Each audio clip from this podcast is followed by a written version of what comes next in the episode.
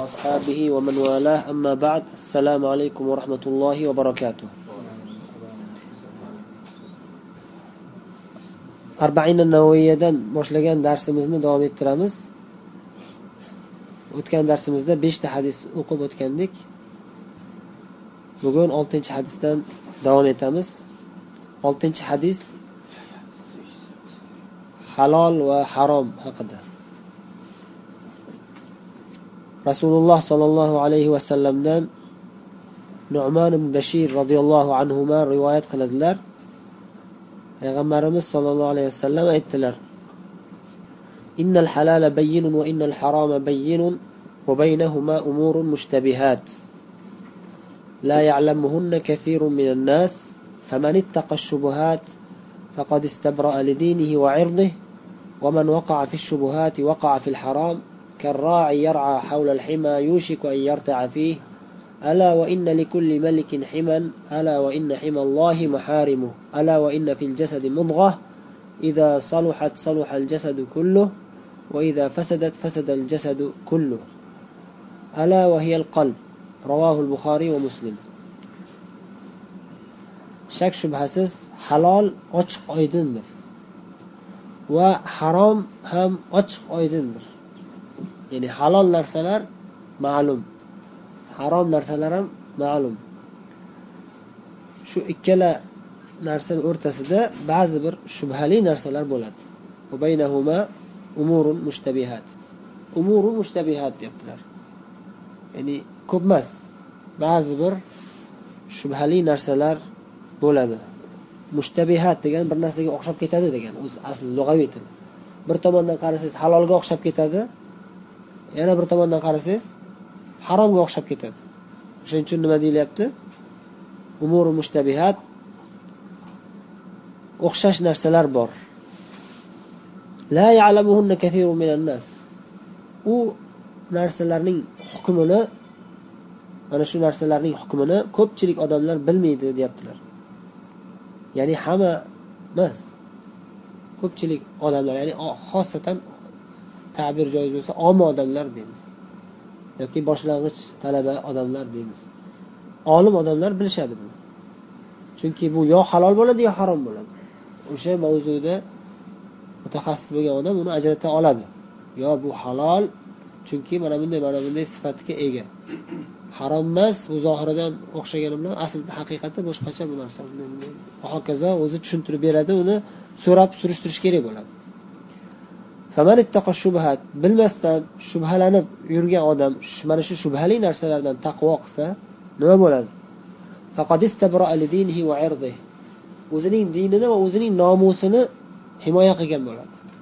O'zining dinini va o'zining nomusini saqlagan bo'ladi. Dinini saqlaganligi ochiq oydin bilasiz haromga tushmaganligi ochiq bo'ladi. Shubhali narsa bo'lgandan keyin uzun uzoq tutsa u aniq haromga tushmagan bo'ladi. Ba'zi bir halol narsani yemagan bo'lsa hech narsa qilmaydi. Lekin harom narsani yeb qo'ysa yoki harom ish qilib qo'ysa diniga zarar yetadi to'g'rimi? Bu odam o'sha ishni qilmadi. Aniq bilmadida shubhalandida o'zini chetga oldi ehtiyot qildi dinini saqladi. Bu ochiq oydin ko'rib turibdi. Lekin nomusini deganda qanday tushunamiz? Nomusini deganda odamlarni gap so'zidan salomat bo'ladi. Odamlarni gap so'zidan o'zini saqlagan bo'ladi. Mana u odam o'n kelgan narsani yeyveradi yoki halol halol harom uncha qattiq ajratmasdan ish qilaveradi bu degan gap so'z bo'ladi. To'g'rimi? Nima bo'ladi natijada? Obro'si to'kiladi. Nomusiga zarar yetadi. Shuning uchun rasululloh sollallohu alayhi vasallam aytdilarki ham dinini saqlash uchun ham nomusini obro'sini saqlash uchun shubhali narsalardan taqvo qilsa o'ziga foyda.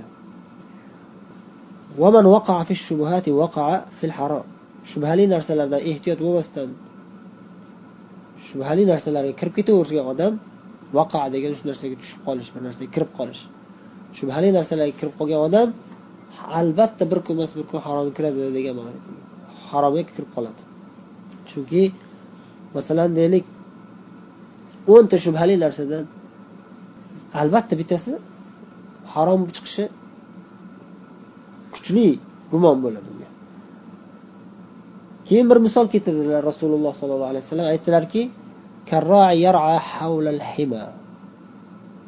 himoya qilingan joylarga yaqin yurib cho'lpon o'zining qo'ylarini aylantirib yurgan qo'yboqar odam.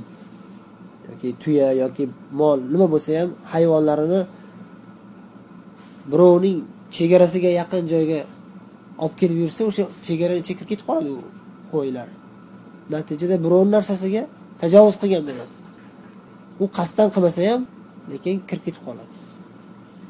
Podshohlar amirlar o'ziga xos joylarni egallab olardi tarixda.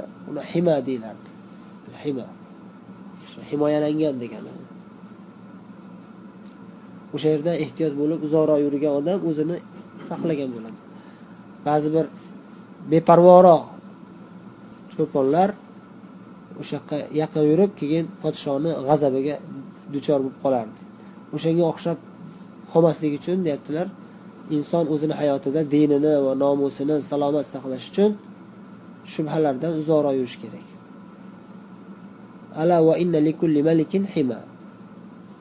Ogoh bo'linglarki har bir podshohning o'zining himoya qilib qo'ygan joylari bo'ladi.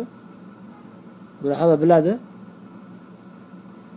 Lekin ko'pchilik e'tibor bermaydigan nuqtasini yana eslatib aytyaptilarki ala ya'ni ogoh bo'linglarki va inna himallohi maharimu alloh taolo himoya qilib chegara qo'yib qo'ygan chegaralari bor u narsalar nima? Maharimu olloh harom qilgan narsalar. Shu narsaga yaqin bo'lmanglar uzoqroq yuringlar. Olloh harom qildimi? demak mana shu harom chegaralariga bormanglar yaqinlashmanglar deyapti ehtiyot bo'linglar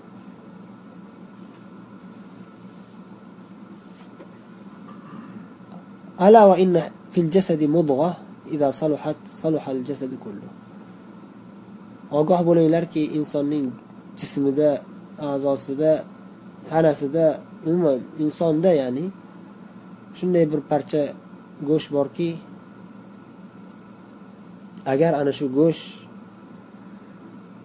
tuzalsa solih bo'lsa jasadning hammasi solih bo'ladi.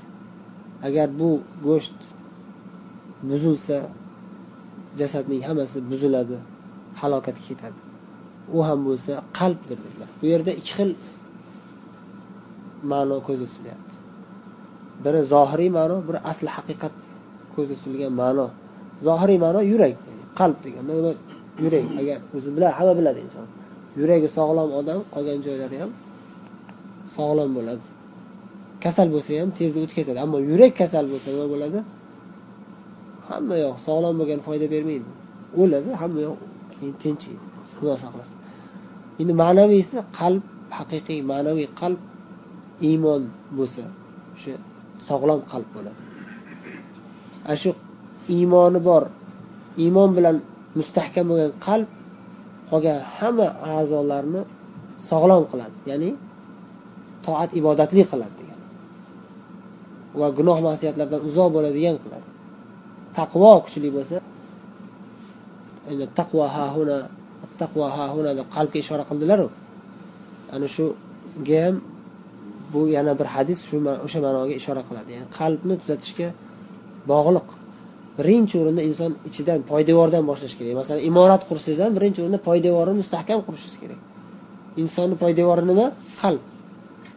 Qalbingizni iymon bilan mustahkam qilsangiz iymoningiz kuchli bo'lsa tashqaridagi narsalar o'zidan o'zi to'g'ri yo'lga tushib ketadi. Gunoh masiyatlardan uzoq bo'lasiz toat ibodatlarga mustahkam bo'lasiz shubhali narsalardan o'zingizni ehtiyot qilasiz. Iymoni kuchli odam shubhali narsani ko'rsa xotirjam tashlab ketaveradi. Voy shu narsadan quruq qoldima deb turib havoyi nafsiga aldanmaydi. Havoyi nafsini talabiga itoat qilmaydi. Va xotirjam ya'ni nima bo'libdi shu narsadan quruq qolsam shu narsani yemasam yoki shu ishni qilmasam nima bo'libdi hech narsa qilmaydi. Dinimni salomat qilay deb turib dinini salomat qilishga qattiq harakat qiladi mana shu oltinchi hadisni xulosasi endi hadisi sharifning arabcha matniga yana bir bor quloq solamiz عن ابي عبد الله النعمان بن بشير رضي الله عنهما قال سمعت رسول الله صلى الله عليه وسلم يقول إن الحلال بين وإن الحرام بين وبينهما أمور مشتبهات لا يعلمهن كثير من الناس فمن اتقى الشبهات فقد استبرأ لدينه وعرضه ومن وقع في الشبهات وقع في الحرام كالراعي يرعى حول الحمى يوشك أن يرتع فيه. ألا وإن لكل ملك حمى. ألا وإن حمى الله محارمه. ألا وإن في الجسد مضغة. إذا صلحت صلح الجسد كله. وإذا فسدت فسد الجسد كله. ألا وهي القلب. رواه البخاري ومسلم.